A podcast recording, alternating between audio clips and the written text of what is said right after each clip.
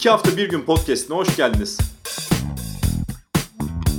Konuklarımla iki hafta bir günde neler okuduklarını, neler izlediklerini, neler yaşadıklarını konuşacağız. Haydi kitap, dizi, film, olay, anı, deneyim ve daha fazlasını konuşmaya başlayalım.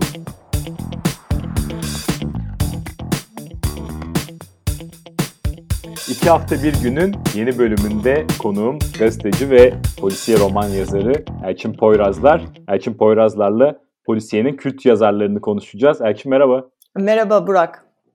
Bayağı heyecanlıyım polisiye konuştuğum için. İlk kez bir türü ele alıyorum iki hafta bir günde başladığımdan bu yana. E, bunda bir e, yani polisiye gibi bir türü bir polisiye roman yazarıyla Mantolu Kadın, Karamuska ve Ecel Çiçeklerinin yazarı Elçin Poyrazlar'la yapmak benim için bayağı mutluluk verici. Tekrardan hoş geldin. Hoş bulduk. Ee, benim için de polisiye zaten e, tam bir tutku meselesi. O yüzden saatlerce, günlerce bunu konuşabiliriz. Ve üstüne de yani polisiyenin e, sadece kurgu üstünden değil, aynı zamanda e, polisiyenin felsefesi, doğası, dili, nasıl yazılması gerektiğine de e, kafa yoran birisi olarak e, sevinçliyim seninle konuşacağım için. Şimdi polisiyenin kült yazarlarına geçmeden önce ben de ödevime çalışırken, bu yayına çalışırken şu nokta dikkatimi çekti. Ee, edebiyat başladığından bu yana tabii polisiye türü zamanla gelişen bir tür ve aslında itiraf edersek de başlarda küçümsenmiş bir tür. Hatta Agatha Christie gibi bir isim bile başta edebiyat mı değil mi gibi tartışmaların konusu olmuş. Ama ondan sonra polisiye türünün hayli geliştiğini ve e, birçok öğeyi de içinde barındırdığını görmeye başlıyoruz. E, biraz o süreci konuşalım mı? Nasıl ortaya çıktı? E, başını başına gidelim polisiye roman türünün. Şimdi aslına bakarsan e, artık e, diyorsun hani e, polisiye edebiyat e, türlerinden biri olarak kabul ediliyor, edebiyat olarak kabul ediliyor e, bazı kesimlerde yani yüksek tırnak içinde yüksek edebiyatı savunan bazı kesimlerde hala bir burun kıvırma söz konusu. Yurt dışında değil çok e, ama ben, ben bazen böyle bir e, hafif bir mesafe e, a o da edebiyat değil ben polisiye asla okumam sadece edebiyat okurum gibi ayrımlar e, yapan e, sesler duyuyorum karşılaşıyorum ama önemli değil e, senin dediğin gibi artık son dönemde bence iyice e, hem kendi türünün e, iyi örnekleri nedeniyle hem de insanların yani okurların e, daha sıcak yaklaşması nedeniyle bir de çıtanın yükselmesi nedeniyle çok iyi e, polisiye edebiyat örnekleri, kur, kurmaca eserlere rastlıyoruz. E, polisiyenin e, çok derin ve uzun bir tarihi var. Ben sadece en en en başından başlayıp sonra e, hızlıca bir e, bugünümüze gelmek istiyorum. Aslına bakarsan e, kara roman ya da gotik roman e, denilen e, eserlerde de polisiye unsurlar var. E, daha karanlık, atmosferik, biraz korku, biraz macera, e, merak uyandıran e, bu, eserler bunlar. Mesela e, Edgar Allan Poe'nun e, Morg Sokağı cinayeti polisiyenin ilk e, örneği olarak gösterilir tarihte. E, elbette ki daha öncesinden de eserlerde bu tür öğeler e, karşımıza çıkar ama e, kapalı oda cinayeti denilen e, kapalı odanın oda esrarları olarak genel bir ad e, altında sınıflanan bu türde e, şöyle başlamıştır. Yani bir cinayet işlenir, e, o, o odaya giriş yoktur, çıkış da yoktur e, ve nasıl onu çözmek gerekir e, felsefesi üstünden yapılır. Morg Sokağı cinayetini zaten e, çoğu okur biliyordur diye e, spoiler vermiş sayılmam. Orada aslında e, bir orangutan e, cinayeti işlemiştir.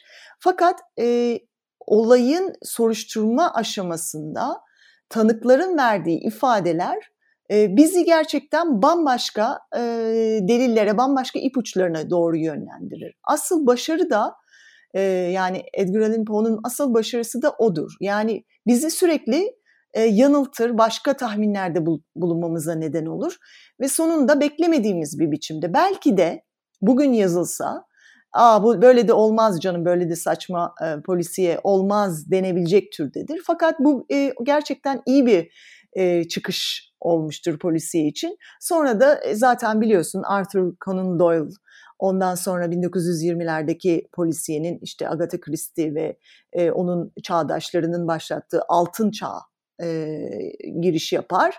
E, ondan sonra e, 1920'ler ve 30'larda e, hard-boiled e, denilen yani sert erkeksi polisiyeler Amerika'da özellikle organize suçların baskın olduğu Los Angeles kentinde yolsuzluk, polisin yolsuzluğu, politikacılar e, böyle çok daha kara bir e, negatif bir atmosfer, siyasi ve sosyal atmosferin olduğu romanlar. E, onlar da mesela çok e, ilgi çeker ve bunlar film noir denilen yani noir tarzı filmlerin de adaptasyonunu getirir. E, sonra da daha işte 40'lar 50'ler mesela e, Patricia Highsmith, e, Alfred Hitchcock'un yaptığı e, mükemmel filmler e, tabii ki kitaplardan ya da e, başka e, öykülerden e, uyarlanarak e, George Simenon e, ve sonra yavaş yavaş işte 70'ler biraz daha macera belki. Çok hızlı anlatıyorum Burak çünkü inanılmaz evet, şimdi bir ben literatür. Araya girip tabii e, önceden konuştuğumuzda burada dinleyiciden saklamaya bence gerek yok. E, Agatha Christie ismini özellikle ele alalım istiyorum. Sonra George Simenon ve Patricia Highsmith gibi isimleri de isteyeceğim. Agatha Christie'nin önemi nedir? Yani bence e, polisiyenin kraliçesi e, ve onun tarzını e, ve yazım yani biçimini e, pek çok insan başta beğenmez. İşte senin e, bir ilk sorduğun soruya da biraz dönüyoruz. Çok böyle yavan gelir e, e, edebiyat çevrelerine. E, çok basit anlattığı düşünülüyor. Bir de dikkat edersen Agatha Christie kitapları öyle çok kalın, e, 200-300 sayfa değildir. Hem küçüktür hem de böyle ne bileyim 100-150 sayfada bir macerayı, bir polisiye soruşturmayı ya da bir cinayeti okursunuz. Fakat Agatha Christie'nin aslında dehası inanılmaz çeşitte e, polisiye eser yaratması, hiçbirisinin diğerini tekrarlamaması aslına bakarsanız böyle sanki hep aynı şeyi anlatıyormuş gibi e, hissedersiniz. Fakat her birinde sizi şaşırtmayı başarır. E, Agatha Christie'nin benim tek eleştirebileceğim yanı e, bize kendi ipuçlarını vermez. Aslında biraz okuru yalnız bırakır. Yani siz onun gösterdiği e, ipuçlarından ya da işte ona red herrings denir, yanıltmacaları e, takip ederseniz bambaşka bir sonuca e, ya da katile e, ulaşırsınız. O ise size hiç bilmediğiniz bir anda e, şapkasından tavşan çıkarır gibi e, tahmin edilemeyecek bir ya da birkaç katili sunar. Belki o anlamda e, eleştirebilirsiniz ki ben bunu e, çok zevkli bir eleştiri yani bir övgü eleştirisi olarak e, veriyorum. Çünkü Agatha Christie'yi okumak bir oyun gibidir.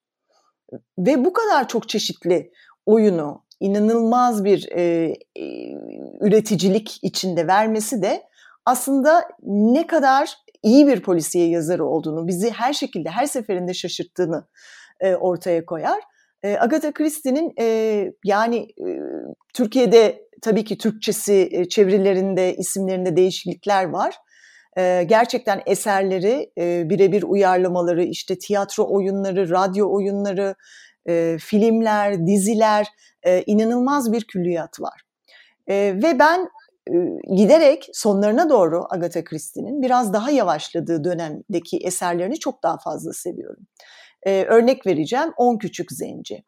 Aslında Kapalı Oda cinayet gizemlerini e, muhteşem bir örnektir 10 Küçük Zengi, Zenci pardon. E, iyi tasarlanmış bir kurgudur. E, tahmin edersiniz size bir yerden böyle hiç ta, e, e, beklenmedik bir sonuç çıkacağını. Fakat sonuna kadar heyecanla okursunuz e, ya da diziye de uyarlandı. E, seyredebilirsiniz sanırım e, bazı e, platformlarda e, muhteşem bir e, sonla bitirir. E, aslında beklenmedik olanı verir e, ve Agatha Christie çok üretici bir yazar. E, George Simenon'la da karşılaştırırız. E, ama e, senede bazen altı kitap, en kötü yıllarında üç kitap yazıyor Burak. Yani İnanılmaz. e, biz İnanılmaz mesela bir ya da evet biz bir ya da iki yılda bir bir polisiye kitabı kotarmaya çalışıyoruz. Tabii ki hayat diğer zamanımızı emiyor. Pek fazla zaman kalmıyor yazmaya ama ve mesela Hercule Poirot'dan da sonuna doğru o inanılmaz sevilen Belçikalı özel dedektif kahramanı Hercule Poirot'dan da nefret ettiği söylenir Agatha Christie'nin. Fakat çok büyük ilgi gördüğü için okurlardan yayıncıları sürekli baskı yapar Agatha Christie'ye. Lütfen bir tane daha yaz, bir tane daha yaz. Daha çok daha öncesinde öldürmek ister aslında Hercule Poirot'u. Fakat şunu izin vermezler. istiyorum e, müsaadenle. E, Tabii ki. Baktığım zaman aslında birçok polisiye yazarının e, çok üretken olduğunu görüyoruz. George Simenon da Belçikalı yazar. O da çok üretken bir yazar. Diğer e, birazdan konuşacağız. Patricia Highsmith, John Le Carré bunlar da çok üretken yazarlar. Yani polisiye yazarları durmadan üreten insanlar gibi görünüyor buradan baktığımızda. Şimdi onun da bir formülü var. Aslında Agatha Christie bir formül üstünden gi- gider. Ee, ama George Simenon'un da bir formülü vardır. Benim e, George Simenon'da sevdiğim gerçekten e, vazgeçilmez ve kült olarak gördüğüm özelliği ise atmosfer yaratması. Ve bunu e, çok ekonomik bir dille, hiç süse kaçmadan e, oldukça e, çarpıcı olarak e, şeye verir, okura verir. Onun da e, mesela e, Fransızca'da ona simenonlar denir o kitaplara. Onlar da böyle küçüktür, cep boyutundadır ve baktığınız zaman çok da kalın değildir.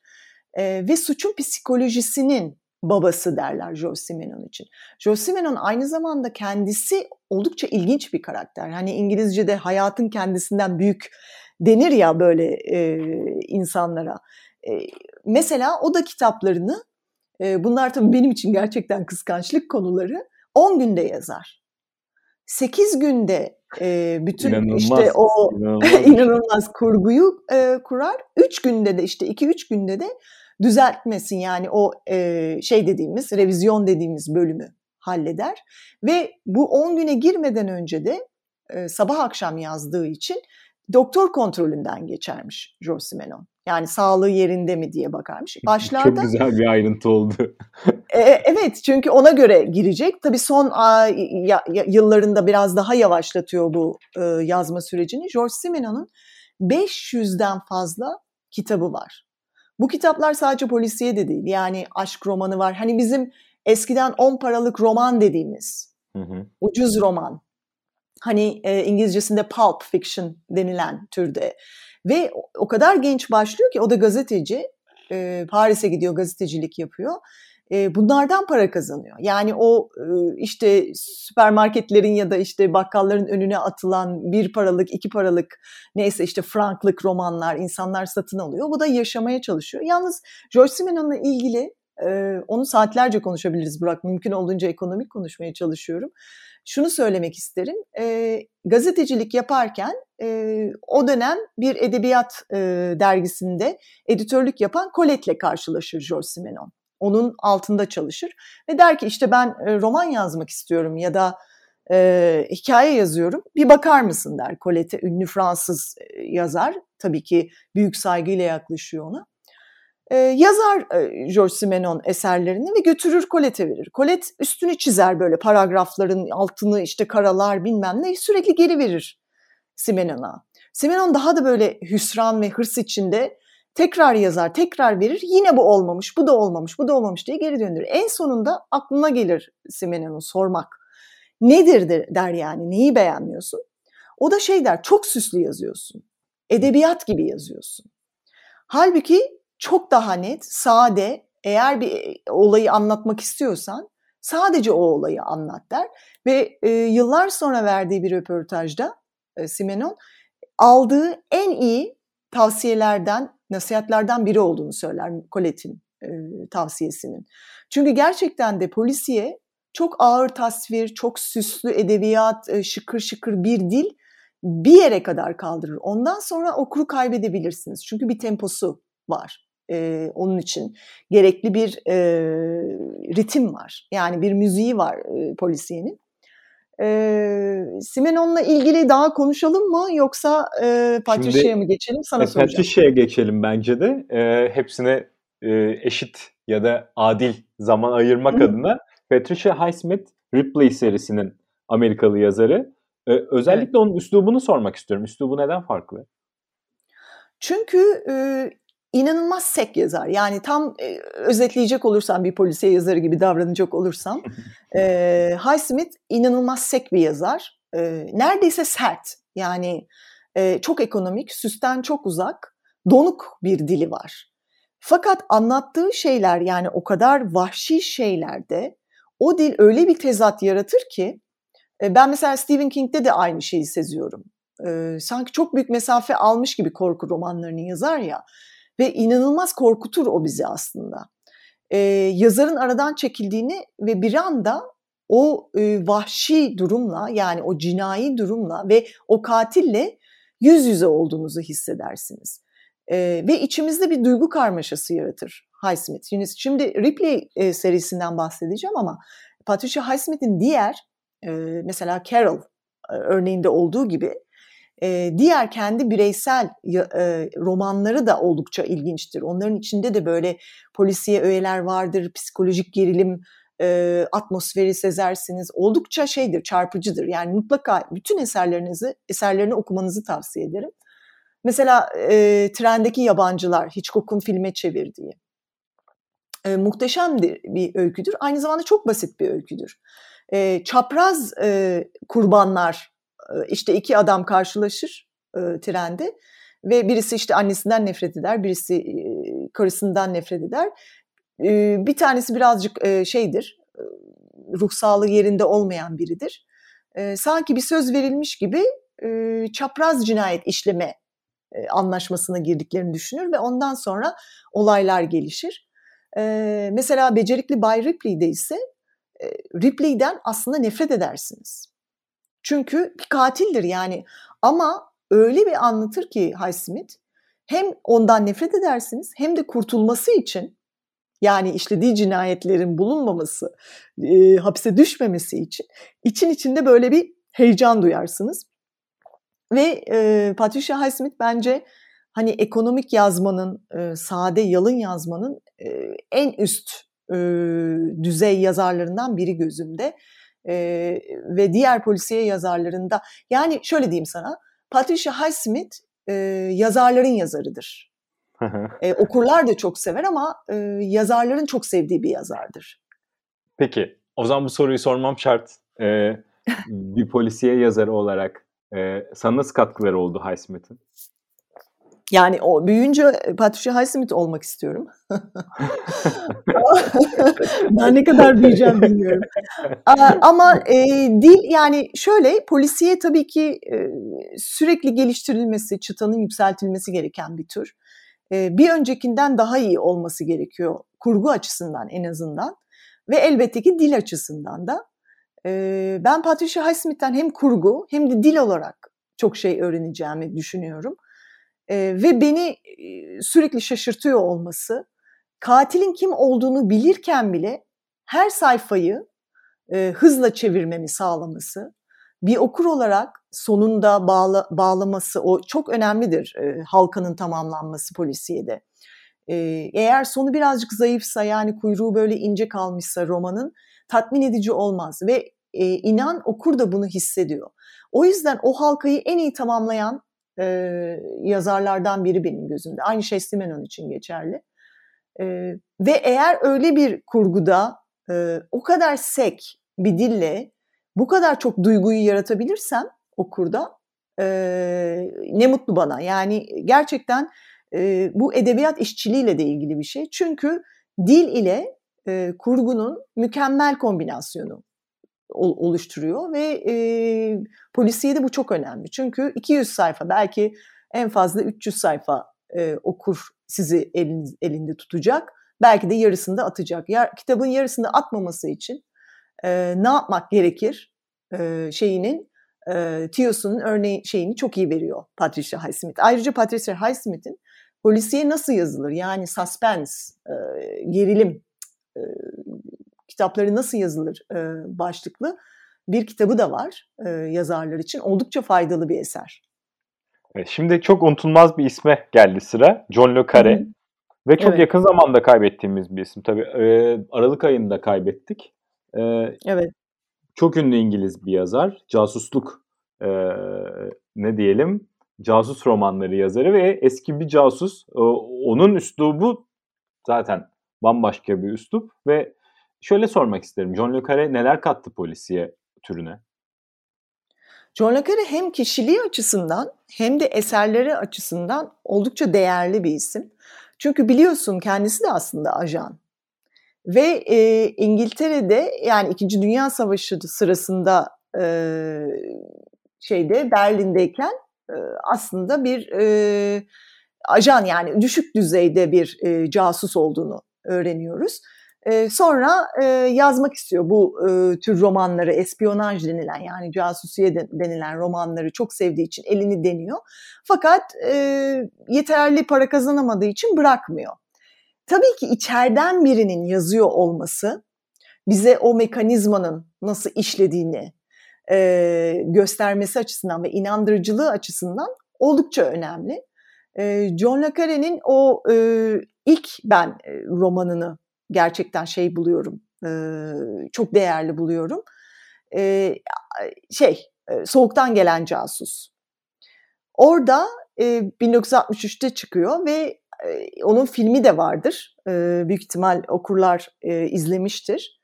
E, ve de tamamen kitaba bağlı kalınmıştır. E, muhteşem bir eserdir. E, eğer bu türü seviyorsanız yani siyasi polisiye denilebilecek, e, devletler arasındaki yarışlar, işte casusların o yalnız hayatı, e, kendilerini birdenbire e, şeyde bulmuş olmaları böyle bir savaş ortasında ama arkalarında kimse yok. Çünkü öyledir yani eğer bir casus ölürse e, Türkiye'de de son dönemde örneklerini gördük bunun Burak. E, kimse sahiplenmez. Yani o e, tamamen e, kendin, e, kendi başınasın denir. E, mesela o yalnızlığı, o soğukluğu, e, şey savaşının, İkinci Dünya Savaşı'ndan sonraki soğuk savaş dönemindeki o e, siyasi atmosferi, dünyanın içinde bulunduğu siyasi atmosferi oldukça iyi bir biçimde e, açıklar. E, ben John le Carré ile ilgili tabii ki Londra'dayken çok çalışırken çok uğraştım röportaj yapmak için. Ve şöyle bir şey e, okudum onunla ilgili.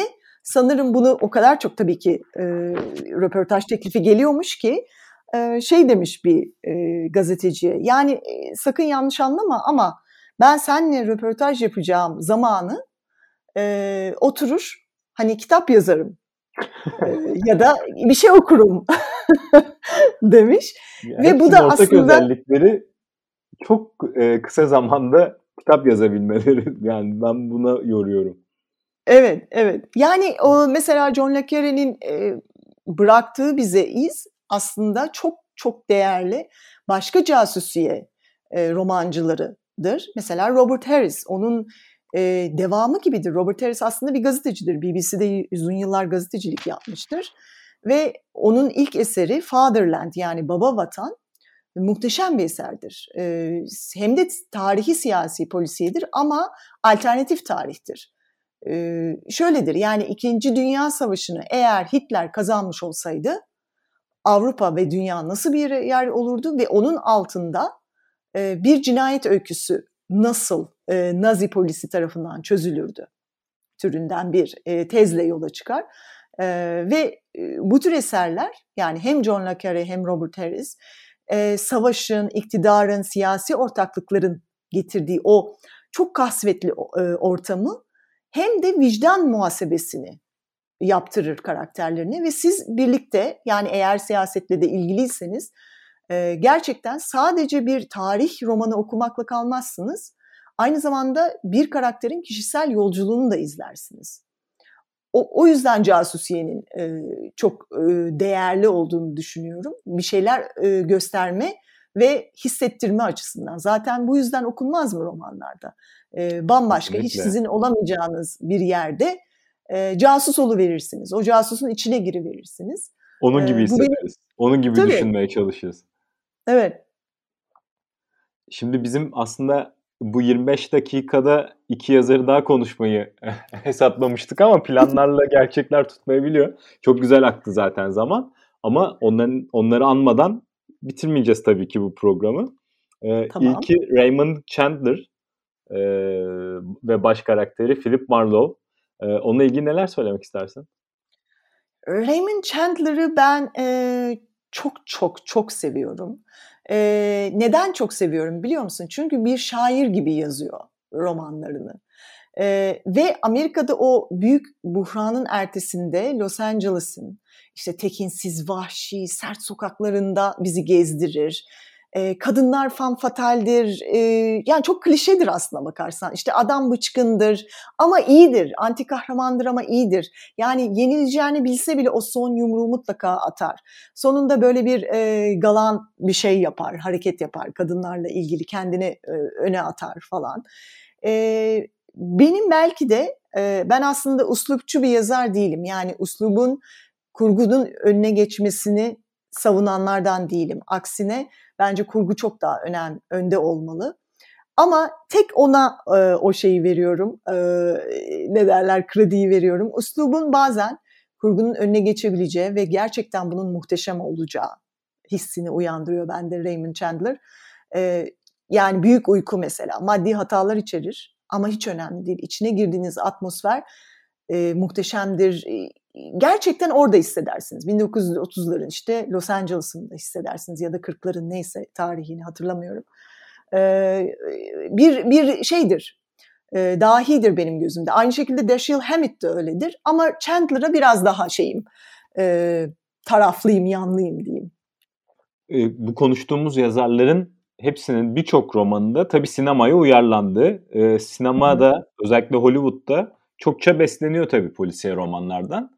E, son konuşacağımız isim Gillian Flynn. O da hem benim çok beğendiğim bir filmdir. Kitabını okumadım burada itiraf edeyim ama Gun Girl'ün e, yazarı David Fincher'ın yönettiği filmini. Aynı zamanda yine Flynn'in Sharp Objects adlı e, eseri de dizi. dizi. Evet. Ona ilgili neler söylersin? Ya Gillian Flynn benim e, son dönemde e, yani işte ne zaman yazmaya başladı? 2010, 2009 falan sanırım. Ondan sonraki yıllardaki eserler var. Yanıl, yanıltmayayım okurları. E, daha yeni sayılabilecek bir yazar. E, bir kere kendisi de gazeteci aslında. E, ve e, Amerika yani e, Amerika'da yaşayanlar çok iyi bilir. Nasıl böyle bir Amerikan kültürünün bir acımasızlığı vardır. Bir ikiyüzlülüğü vardır e, onu inanılmaz iyi bir biçimde yansıttığını düşünüyorum. Özellikle kadınlar açısından. Bir de kahramanları e, Gillian Flynn'in hep kadın. E, o da beni çok e, cezbediyor. Yani gösteri toplumunun e, bireyde açtığı o yaralar e, nereye varacak? E, iktidar ilişkileri yani aile içindeki iktidar ilişkilerini e, kurcalar mesela. E, oradaki güvenilmezlik, e, işte mesela Gone Girl'da Kayıp Kız'da kitabı e, okursanız farklıdır çünkü şeyinden filminden. Biz e, bir e, kadını okuruz bir bölümde, bir bölüm diğer bölümde e, erkeği okuruz. Yani karı kocayı okuruz. Bir kadını bir kocayı, bir kadını bir kocayı öyle ilerler. Ve şunu fark ederiz sonunda aslında ikisi de güvenilmez anlatıcı. E, ve ikisi de bazı e, iktidar ve e, çıkar sayıklarıyla hareket ediyor. Ve onu o kadar güzel bağlar ki Cilin film. Yani e, filmde belki biraz daha erkeğe sempati duyu gibi hissediyoruz. Ben öyle görmüştüm. E, ama zavallı kurban olmasından da kadınları çıkaran bir yapısı var e, Gillian Flynn'in. Ben onu da seviyorum. Bir de sürekli merak ettiren bir yazar acaba bundan sonra ne yazacak diye. Sanırım Sharp Objects, Objects'te de bir anneyle e, kızı ilişkisi üstünden e, bir cinayet öyküsünü anlatır. Çok kapalıdır, kasvetlidir, böyle küçük bir kasabaya gelir. E, kadın da gazetecidir. Doğru değil mi? E, aynı şeyden bahsediyoruz o diziden. Tabii tabii, evet. E, Amy, Amy Adams'ın oynadığı Aha, dizi sanırım. Kesinlikle, kesinlikle. E, ve de yani kıza mı güvenelim, kadına mı güvenelim? İşte orada bir genç kız kardeş de vardır. Böyle sürekli bir şey e, geçmişle bağlantılı ama içinden çıkamadığın bir e, tuhaf e, yani kara roman diyebiliriz aslında Gillian Flynn için ve ben çok severim kara romanları. Çok teşekkürler. Ee, yani benim çok şey öğrendiğim bir yayın oldu. Aynı zamanda da çok keyif aldım. Ama şimdi koşa koşa polisiye okumak ve polisiye izlemek istiyorum. Bunun böyle bir yan etkisi olacak bence dinleyenlerde de. Elçin Poyrazlar çok teşekkürler. Ben teşekkür ederim Burak. Herkese sevgiler.